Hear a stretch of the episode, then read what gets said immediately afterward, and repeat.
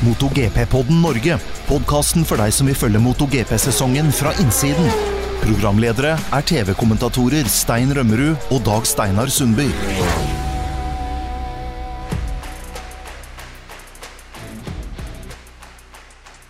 Velkommen til episode 13 i MotoGP-podden Norge. Dag Steinar og jeg vi er ferdig med dagens eh, kommentering. Vi er fortsatt i uh, Italia. Er ikke så langt fra banen. Vi er i en by som heter Katolika. Sitter faktisk ute på eh, en terrasse på hotellet og oppsummerer dagen. Hvordan syns du det har vært i dag? Jeg syns det har vært veldig bra. Det har vært eh, tre veldig bra race. Så eh, jo. Og med det været som blei jo. Vi var jo redd det skulle bli litt dårlig, men det blei jo bra vær hele, hele helga. Og nå er det jo veldig godt varmt. Vi sitter ute her. Så hvis det er litt sånn eh, trafikklyder i bakgrunnen, så er det fordi vi sitter bare noen meter fra en liten gate. Katolika det er en liten eh, fin by med Ja, det er sandstrender her nede og masse hoteller og restauranter og kafeer og gågate og Ja. bra, liv, bra liv i byen Det her. er det. Det var veldig bra liv i går, da. Det var jo flagg i hele byen. Feiring av Dovi og Rossi og de fleste. Det var eh, Det er litt morsomt når det går i gågata her. Det blir eh, det er litt sånn som på Lillehammer under eh, vinter-OL, syns jeg. Det er, bare det er motorsport. Ja. Det er også Dovi-bannere over hele linja. Og alle barer og det er Inne på vanlige sportsbutikker så er de utstilt liksom Da kjøper du motorsportutstyr. Ja. Og T-skjorter og capser og sånn. Det står først. Det står først. Sammen med Adidas og Nike og alt annet. Ja, det er, det er sånn vi liker. Men det er eh, Det har jo vært en eh, VM-runde i dag. VM-runde nummer 14. Som har det helt eh, korte og fine navnet Grand Premio Gryffin di San Marino e della Riviera di Rimini. Eller kort fortalt San Marino Grand Prix. Samar Samarbeid med Ja. med Rimini, Rivieraen i Rimini. Og banen her i Misano Dag Steinar, den kjenner vi jo godt. Den har jo vært på VM-kalenderen i mange år og byr stort sett på bra racing. Han gjør det. Han er jo eh, er ikke så kuppert. Det er litt små høydeforskjeller og sånn, men det er layouten og det, det gir bra, bra racing. Og særlig da siste sektor og sånn gjør jo at det er muligheter til å, å prøve seg. Det er sånn både fra høyfartssving 11 inn til 14, og også en siste mulighet i sving 16, men eh, ja, det ble ikke så mye av det i dag, men eh, det ble alle andre steder på banen. Ja, Vi regner med at de som hører på podkasten har sett på sendinga. De vet jo at eh, Jack Miller sto i pole, at Enea Bastianini og Marco Bezzecchi de fylte ut de to andre plassene på første rekka. Og at vi hadde Maverick Vinales i fjerde startposisjon. At VM eh, eh, treer før løpet her, Pekko Bagnaya, han ble flytta ned til femte. Og så hadde vi Sarko på sjette, og på tredje rekka så hadde vi jo eh, en litt morsom rekke da, med Marini, Quartararo og Aleix Ja. Espargaro. Og før den VM-runden her så var det vel 44 poeng mellom Fabio Quartararo og Pekko Bagnaia. Og 32 mellom Quartararo og Aleix Espargaro. Så det var liksom ståa, da. Ja, det var det. Og så var det jo et løp der eh, Jack Miller han sto i pole. Han tok jo starten og ble jo fulgt av Enea Bastianini.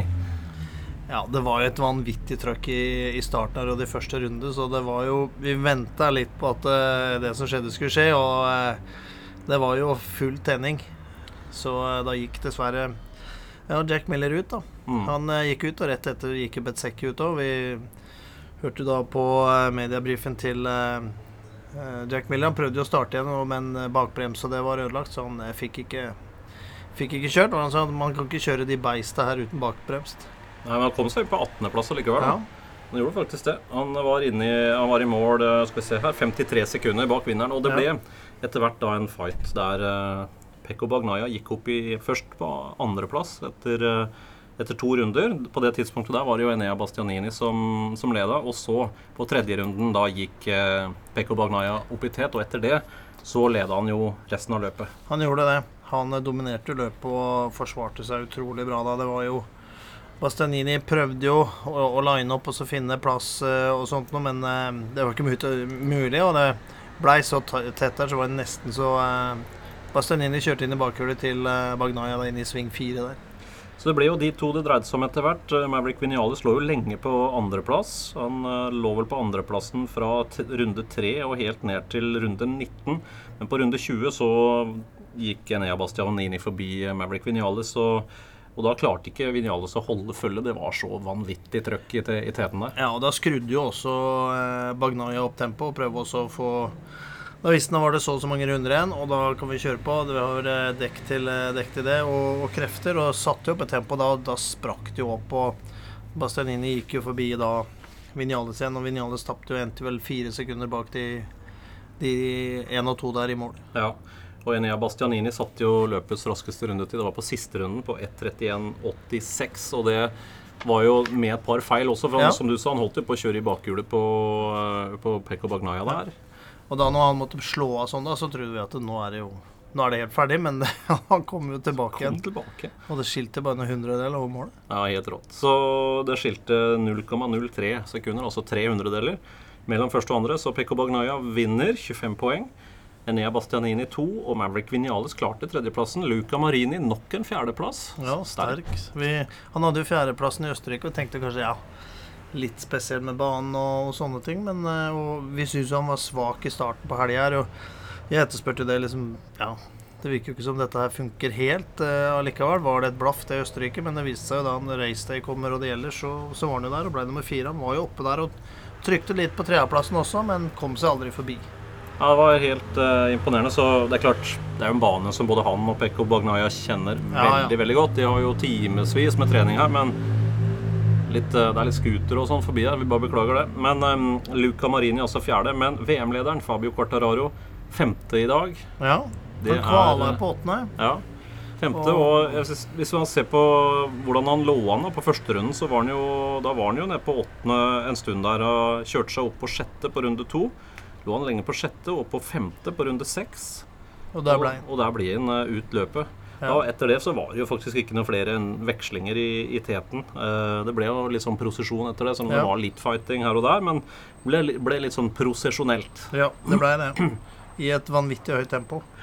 Men det betyr jo da i VM-sammendraget nå så drar det seg litt til. Det var som sagt 32 poeng mellom Quartararo og um, Aleix Espargaro, og 44 poeng mellom eh, Quartararo og Bagnaya før denne VM-runden her. Nå går jo Bagnaya med den 25-poengeren her opp på en um, andreplass. Han har nå 181 poeng. Mens Fabio Corteraro han tar bare 11 poeng i dag pga. den femteplassen, så han gir fra seg 14 poeng til Han Pekko. Bagnaya. Så nå er det 211 mot 181, altså 30 poeng som skiller de to. Og det er seks VM-runder igjen. Det er Aragon, Japan, Thailand, Australia, Malaysia og Valencia. Ja, 150 poeng. Kjøre om. Nei, det er jo ingen tvil om det at det ja, Nå er jo i eh, Bagnaya i en utrolig form og eh, bare pusher på. Og satt, ja, det ble jo historie i dag. Ingen annen Ducati-fører har vunnet fire racer mot GP på rad. Han er i sitt livsform, og Quartararo kjemper jo da mot eh, en armada av uh, Ducatier. Og eh, Aprilia, som eh, kanskje virker som har fått til sykla bedre. Ja, man er jo kjempebra det nå, det er ikke det, men der snakker vi om små marginer. Det er jo Men det gjør det vanskeligere for eh, Quartararo. Så nå har også Pekko Bagnaya, hvis vi ser de siste ni VM-rundene, fra Spania Grand Prix og fram til i dag, så har han bare seire og nullpoengere. Det er Ja. liksom ikke noe mellomting. Han har tre nullpoengere og seks seire på de, um, Mm. på de løpa der. Han virker veldig, veldig hard nå. Ja, han gjør det. Det er eh, imponerende om hvordan han har levert det siste.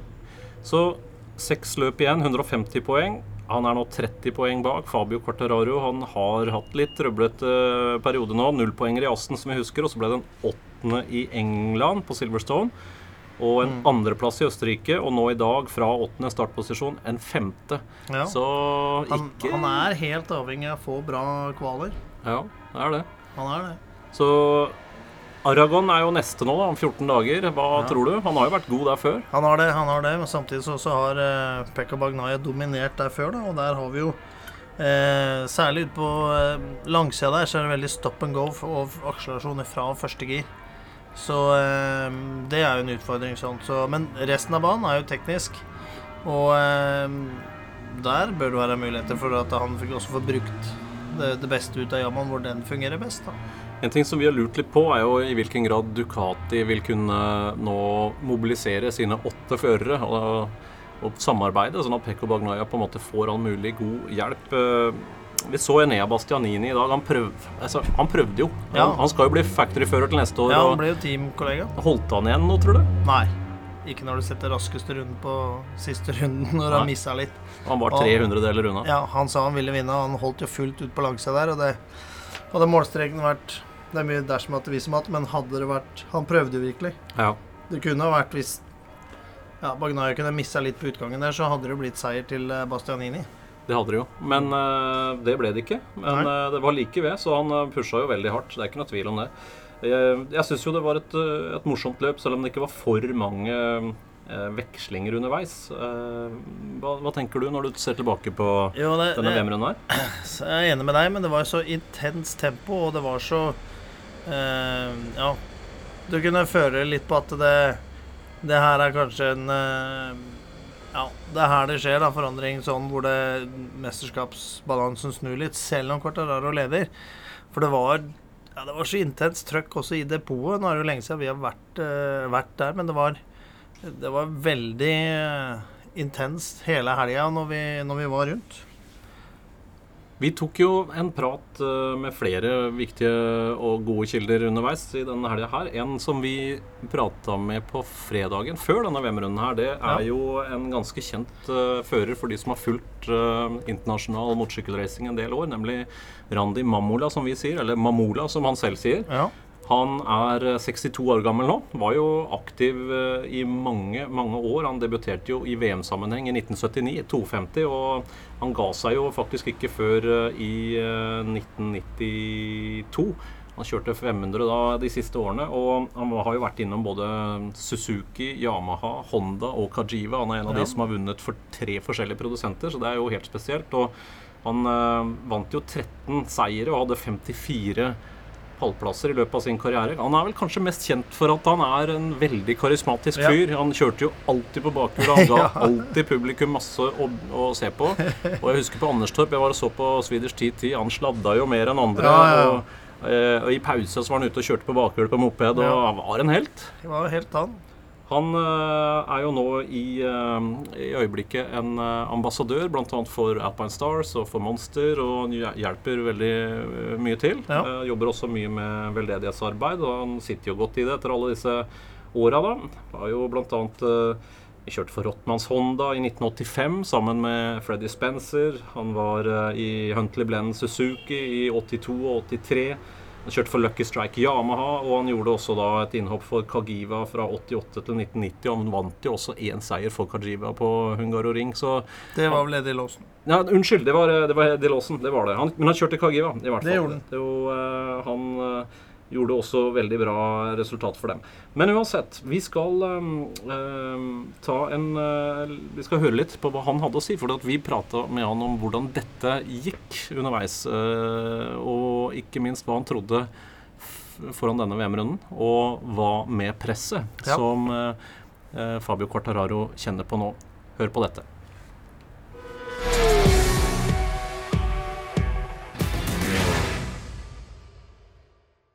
So, Randy, uh, great to have you on the show. Um, I'm really curious. Now, the season is starting to heat up, and we see it's a 44 point difference, and you know, Bagnaia is taking points, and Quattararo is under pressure. Aleix is hard to say. So, what's your prediction for the rest of the season now? I personally don't see Quattararo under pressure, no more than Bagnaia is to try to catch up. Uh, uh, the same with Aleix. I think someone, even maybe like Aleix, would be more uh, a good nervous, but a nervous that he really wants it, you know. And uh, obviously, the beginning of the year didn't work out so well for Bagnaia uh, with crashes and things like this. But equally, Bagnaia on the same bike as so many other Ducati riders has a lot of competition. And that competition also eats away at, at what happens. You know, you saw Bastianini. We know how fast he is here in Misano. Yeah. So at any moment, Zarco, uh, Luca, I mean, uh, Luca Marini as well has Yeah, yeah. gone very fast, up to fourth place in in Austria uh, last week. Exactly. So there's a lot more players that are involved in there. And if you said to somebody, you have nearly a two race lead, it's not so bad. huh? exactly. Uh, so you obviously Quattararo has a job, Yeah. but you can see clearly where his job is. Yeah. Uh, he races as hard as he can at the front. We kind of know that sometimes he gets beat up Exactly. because uh, he doesn't have the strength with Yamaha in terms of the top speed. But we keep saying that, and he won in Mugello. Yeah, exactly. How's that possible? Or you know, he's he's won in racetracks that uh, seem seem the opposite. Exactly. But that shows you the demeanor of who he is. Uh, so one of the things that uh, amazes me is how polite they are all together Yeah. uh, after the races and, and things like that. But even here, as you see, the two Aprilia riders are not against each other, but they are against each other, meaning Yeah. the, the lap time Exactly. and, and the same bike and these things. This alone eats Yeah. and in your thinking of how's he beating me? Why is he faster? I should be I should be much quicker. Exactly. Especially if you're a Leish. Exactly. but back to the Ducati situation, you have eight riders. If you were in charge of Ducati right now, wouldn't you try to, you know, ask them to help Bagnaia a little bit? That's really hard to do when you have different sponsors. Uh, each each of them have different manufacturers and I mean uh, you know sponsorship to, to help them through the Yeah. the season.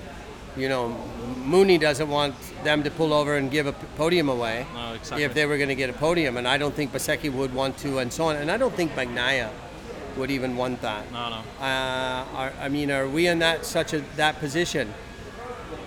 What needs to happen is the consistency of the uh, Ducati riders needs to remain. Exactly. The thing is, Quattararo, yes, he's under under substantial pressure, but he seems to be handling it well because even in Austria, uh, it looked as though, I mean, uh, I'm on my sofa watching, and it looked as though he was going to get swallowed Yeah. by another group for a while, and then it was like another another half gear.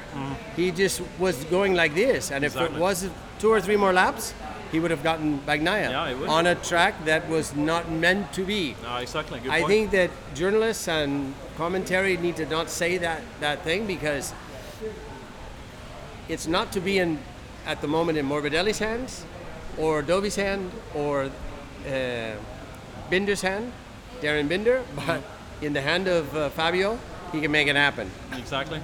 No, he looks uh, very confident. We met him in the com- uh, press conference just a few minutes ago. He seems so relaxed, so confident, so happy. Actually, very content with the situation. That, that's He's impressive. he's riding so well, Yeah. and the, the the thing is, you don't really see him overriding anytime. No, exactly. Okay, he runs off the track because uh, something happened, or he, but he's trying things, Yeah. especially here. And don't forget the VR46 riders, all of them, and uh, do a lot of laps around here. Hmm. So mm, you can see uh, even uh, what's his name, the, the test rider from Ducati, uh, Piero? Piero. Piero was fast in the morning, you Yeah, know, exactly. because that's all he does is go around this particular Yeah, racetrack. same with Passini in Moto 2. He's got tons of laps there. And Yeah. He was fast immediately. Right. From the go. So, I mean, always is going to be where the where the best man wins. Yeah. Uh, what's the points back to uh, uh, Spargaro? Is it 30, 30, 32? Uh, 36 30 or something. Yeah. Yeah. Yeah. So You see how fast that changed? Exactly. It was 23 or 24 yeah, or good point. yeah. Good You point. know, see how fast that changed just for him? Exactly. And uh, again, those guys are underneath tremendous amount of pressure. Think about turn one, two, three, four here. Exactly. And if you're on the second or third row. We also know that now Bagnaia has to start three positions back. So if he takes pole, he's fourth. Is that pressure? no, good point. He fell off. Yeah, exactly. So, seen from your point of view, as an ex-rider, what is Fabio doing differently with the Yamaha than the other three guys on the same brand? just for your fans, I want them to watch uh, the gyro effect that Fabio has by moving around on the bike and where his position of head is and everything. Because just your head alone, seven kilos. Exactly. Mine is maybe eight or nine because it's more full of shit. But uh, sorry about that to your fans. But They're uh, Norwegians, they, they love it. but uh, uh, he really works in unison, but he, he, he really moves off the bike. And if you watch uh, Morbidelli, who's the next best Yamaha at the moment, uh, he rides more like Dovi. He rides more centered. And with the aerodynamics, aerodynamics are changing a lot.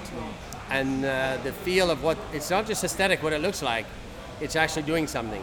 So, in order to make it work and work right, that needs to happen. So, Luca Catalora is a good friend of mine, and he was here today. So, we went out and, uh, and watched at Locatelli. We had a great time watching because uh, uh, you can see where the VR46 guys understand the track better. Turn two, you have to get the bike over quicker. They understand all that because that's all they do is train here. Not not every day, but you know what I mean. And uh, so Fabio just has this talent that he's adapted to because he's had to. How do I make this thing turn? How do I get through the corner faster? How do I get more grip? He moves around on the bike. And Mark started dragging his elbow the first one, that kind of thing, moving the Honda. You know, that started to happen. But times have even changed since Mark's accident and how, how that's going because the wings are getting bigger, mm-hmm. stronger, more effect, Yeah. and the way the bikes run. If you go out on the track and listen to the bikes, it's insane how much power they have. I mean, when they shift, where you go into the first the first back straight here uh, after turn five, I think it is, or six. Yeah. Uh, the power that the power noise that uh, Aprilia have is insane. When they shift, it's just pow, pow, pow. Mm, we are pushing the limits on a lot of things to make things faster and faster, and uh, I hope the fans enjoy. Exactly, and, and both the Aprilia riders today, they, they told us that the bike this year is so much more stable in the very fast It's, it right-hander. doesn't even look like a, a normal MotoGP bike because it's not moving. No, exactly. But you know, it's like a Formula One car. If it moves, Yeah. it's not not, a, not attached to the ground, and they're attaching these things to the ground because of the stability of what aerodynamics has. Exactly. So now Mark is coming back. He is probably going to ride next week on the test here. That's what HRC said today. Um, do you think we will see him race this year? I'm 62 years old, so as a father, I would say I hope not. but of course, the fans would say, "What the hell are you saying that for?" I don't want him to come back until he, he and he can really be able to do something because it's just too risky. It's you know he's getting he's getting back on a bike and he's going to go into a, a fire of guys that are, are have been racing with rhythm and so on. you know, if you said to Mark, as an engineer or whatever, hey, just go play around in about 15th place. It just wouldn't happen. You know, just you know, it's one of those things, and so you know what you're going to get. The- concern is is uh, obviously we know the champion that Mark is. For me, he's a grand champion. You know, multi multi time. Uh, raced with the best with Valley and even Dovi and these guys in, in a very high level uh, for those championship. When he was young, a rookie, he won the championship. You saw how fast that was. Exactly. But again, times have changed and moved on. Even Fabio's bike has moved on since the beginning of the season. So what he, Mark's getting going to get into. So that would be the the, the, the only thing. All right. Uh, personally, personally, if if I was going to see if he was strong enough, I would make him play tennis with uh, Nadal, since they're both Spanish. And if he can last uh, 45 minutes with Nadal, with Nadal hitting the ball with his right arm, then he can do it. But but if you can't, if you can't hit a tennis ball for an hour, because there's a lot of things you can do this way, but it's how this type thing works, and I just don't.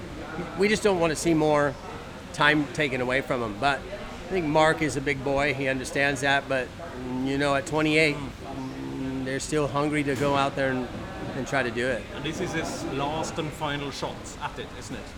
Definitely. Yeah, Yeah, I, I would have to say yes because he was in tremendous pain. Yeah. You know that the, the arm was rotated. Exactly, 30 he- degrees. Yeah, and uh, and so he couldn't he couldn't uh, if, no matter what his elbows up or down or Ah, exactly. this kind of thing. So uh, with the with the luck, you know, he's young, he's frick, he's fit. Uh, just going to be interesting to see. Well, hopefully, it comes back well. Brilliant. Thanks for your time and for all your insights. No Fred. problem. So listen, that was a little bit longer than two minutes that you asked for. So just to tell you, I did it for you fans, okay? Uh, my life has been nothing but uh, about Grand Prix racing. This is my 43rd year in the paddock. Uh, I have no channel to speak so far, and I have my Instagram, my own official Instagram, but that's about it. Uh, I have fun with it, and you know I represent Monster Energy uh, at the races, so I talk to a lot of the people or, or uh, VIPs and things like this. So for me, it's still quite fun, and I only go to uh, eight races this year. So All right. Thank you so much for your time. And to you. Thank you.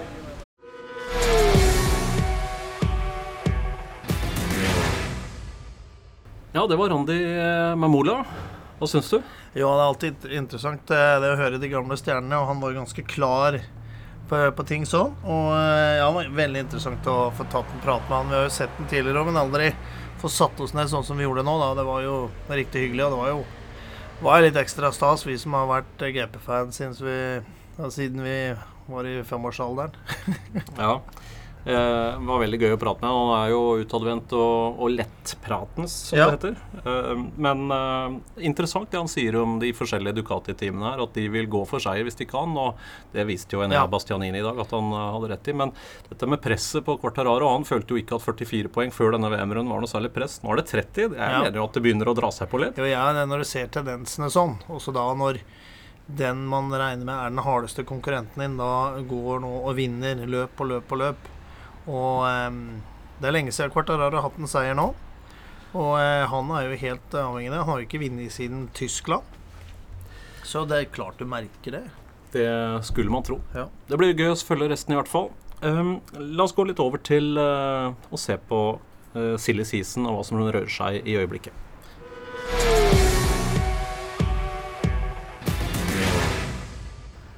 Kabalen for 2023 den begynner jo å lande nå. Vi snakka om det i forrige episode av podkasten også. Men um, det er én plass som vi var veldig nysgjerrig på, og det er hos Tech3-teamet, som jo skal hete uh, GassGass Tech3 til neste år. Ja.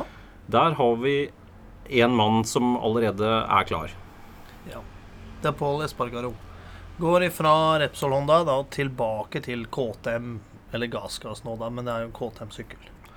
Og vi fikk jo nettopp vite at Remi Remy Gardner han er ikke ønska som uh, fører i det teamet i tida fremover. Det sier KTM selv ikke skyldes manglende resultater, men det skyldes manglende profesjonalitet. Ja, Det var jeg veldig nysgjerrig på. ja. Fordi jeg syns uh, for det første han har vært et friskt pust. Han har kjørt Ikke bra. minst. Og han er en gøyal fyr. Ja, absolutt. Og er litt annen enn de eh, Kan du si er Litt mer standardiserte italienske og, eh, og spanske førerne vi ser nå. Da. De har jo gått GP-skolen.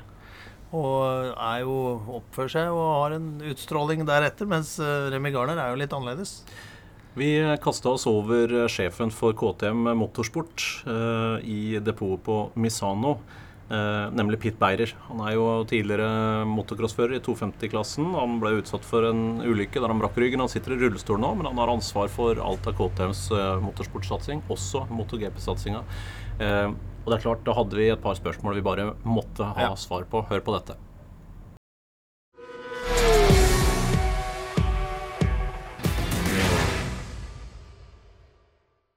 So, uh, first of all, question on the uh, the second bike in the Tech 3 team for next year. Uh, who is taking that decision? Is it uh, is it you, is it Hervé Pancheral, or is it a corporation? It's definitely a corporation. uh, out of the names you mentioned. Like uh, it's it's the KTM management, but together with Harry. So uh, yeah, we will take a team decision. So uh, there there are a few names uh, flying now. Um, when will you announce? Um, I think we take the final announcement this weekend. We need, still need to talk and finalize with the rider who, who wants to come or has to come, and uh, then we are ready to, to publish. Will it be a Moto2 rider? Could be. Um, also, I've- I'm curious to hear your version of uh, of Remy Gardner's exit. Um, it was quite a lot of comments flying around yesterday. What, what's your um, description of the of the situation? Um, yeah, I will not.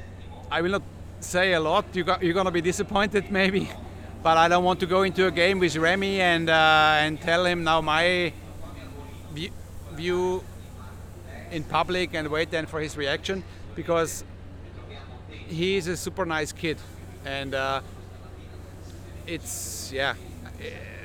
I would like maybe to clarify just one formal thing where I saw also that now it says like end of August uh, they got this bad information, but we didn't use his option which we had in June, so that was the clear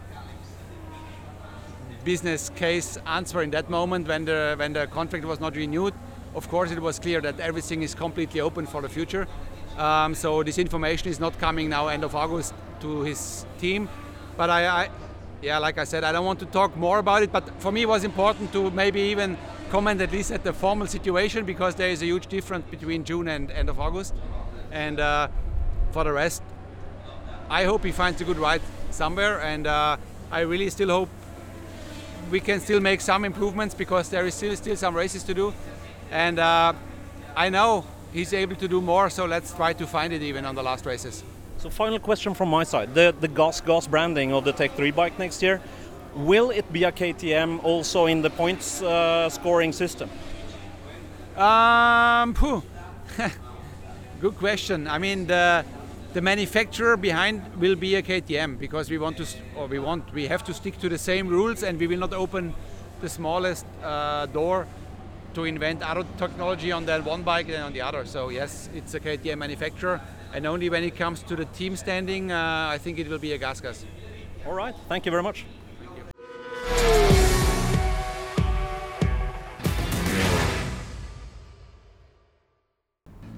Det var Pitt Beirer. Et lite skup der. Vi fikk jo møte han, og han hadde god tid. Ville gjerne snakke. Ja. Eh, Hva tenker du? Eh, Interessant flere ting her. Det ene er dette med hvordan de rigger dette med poengene hos eh, Gassgass. Ja, de ønska jo da også gjøre eh, konstruktørpoengene, at det går inn under KTM. Sånn at de ikke tar poeng ifra seg selv på den måten her. Også, men teampoengene blir jo da delt. Det gjør de jo. Det er logisk nok. Ja. Han ville jo ikke gå noe særlig inn på hvorfor eh, de har sparka Remi Gardner. Hadde ikke lyst til å nøre opp under eh, Nei. all ordkrigen der, og det, det kan man jo forstå. Hva, hva tror du? Hva er det som ligger bak her? Nei, Det er vanskelig å si. Vi, vi snakker jo også med Simon Crayford i, i depotet. Han har jo um, vært rundt nå veldig tett innpå på alt som skjer. Og, og han tror kanskje det er med at han er ikke profesjonell nok og sånn, og det kan ha blitt vridd litt rundt, og det kan ha blitt sagt med, med mening til eh, manageren, til eh, Remi Garner, Mm. som av eh, flere ikke er noe pluss for Remi Garner. Mm. Og så det, det er nok, kan nok være noe der sånn, for det er jo flere team som ikke vil eh, snakke med manageren til, til Remi Garner pga. oppførselen til og måten og dialogen han, eh, han fører. Så kanskje da, ut ifra de inntrykka vi fikk, kanskje ikke har vært så dumt for Emmy Garner å kanskje bytte manager. Mm. Hvis det, det er sånn at du stadig møter stengte dører i eh, At det har blitt sånn, møter stengte dører i eh, MotoGP eh, depotet, da. Ja, for han, eh, Den manageren eh, heter Paco Sanchez. Han har jo vært ute og vært veldig eh, verbal. Han har jo kritisert både KTM og Tech3 og Pitt Beirer og i det hele tatt. Han har også kommentert kvaliteten på mekanikerne i Tech3-teamet og teamet rundt Remi Gardner. Og det er klart, en manager skal jo være litt varsom og mene veldig mye om Ja. sånne ting. Det skal i hvert fall ikke gå ut med det, mener jeg, det, liksom, hvis det er sånne ting. Men jeg vil tro Jeg har vel aldri hørt det Eller vi har vel aldri hørt noen rykter eller noen sånne ting om Tek 3-timer før. Nei, Det er et Eh, anerkjent team, ja. og Hervé Poncheral som driver dette, han vet hva han holdt på med. Holdt på med Ja. dette i en mannsalder. Ja, det er litt sånn uh, Akiayo-opplegg, selv om det er en annen stil her for Tech 3. De er et fransk team, men han etter alle de åra veit jo hva som må til for å få det beste ut av føra og prøver det. For det er jo også i hans egen interesse i forhold til den jobben de gjør, og med sponsorer og alt. Så jeg ja. Vi har jo tatt opp denne podkasten på søndag kveld, og da er det enda ikke kunngjort noe om hvem som skal inn i eh, teamet, Tek3 Gassgass-teamet. Men det ryktes jo at det kommer en Moto 2-fører opp, eh, og det var jo derfor jeg stilte det spørsmålet også. Kan du utelukke at det blir en Moto 2-fører? Og jeg syns han gikk langt i å bekrefte Ja. at det er det som kan skje, eller han sa vel at det kan Det hende. kan skje. Og da er det jo én mann det hele dreier seg Ja. om. Det er Augusto Fernandes. Som er liksom den eh, som ryktene går om at det kommer til å havne der. Vi, eh, men vi fikk jo ikke noe mer ut av, ut av det, og at det kan skje. Men ja, og så er det eh, en ny rookie inn, eh, inn der, da, sammen med Paul Espargaro. Men vi veit ikke, dem Ja. For nå går jo begge førerne fra Tech 3 forsvinner jo. Remi Gardner har ikke fornya kontrakt.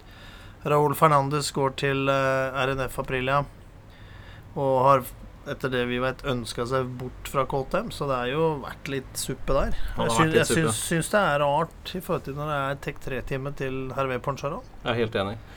Men så RNF Aprilia det blir jo da egentlig med to eks-KTM-førere. da. Miguel Oliveira går fra fabrikkteamet, og Raúl Fernandes går fra Tek 3. Ja. De skal da kjøre for eh, Raslan Rasali på Aprilia, og vi fikk jo også vite denne helga at de Apriliaene som skal brukes der, det er årets eh, fabrikkracere som eh, flyttes rett over til RNF Aprilia. Det er de de skal bruke, men de kommer også til å få mye oppgraderinger og skal jobbe videre med, med de syklene fremover. Tett samarbeid med Ja. Aprilias eh, factory team. Det er vel i store trekk det vi hadde tenkt å snakke om i denne episoden. Dovi.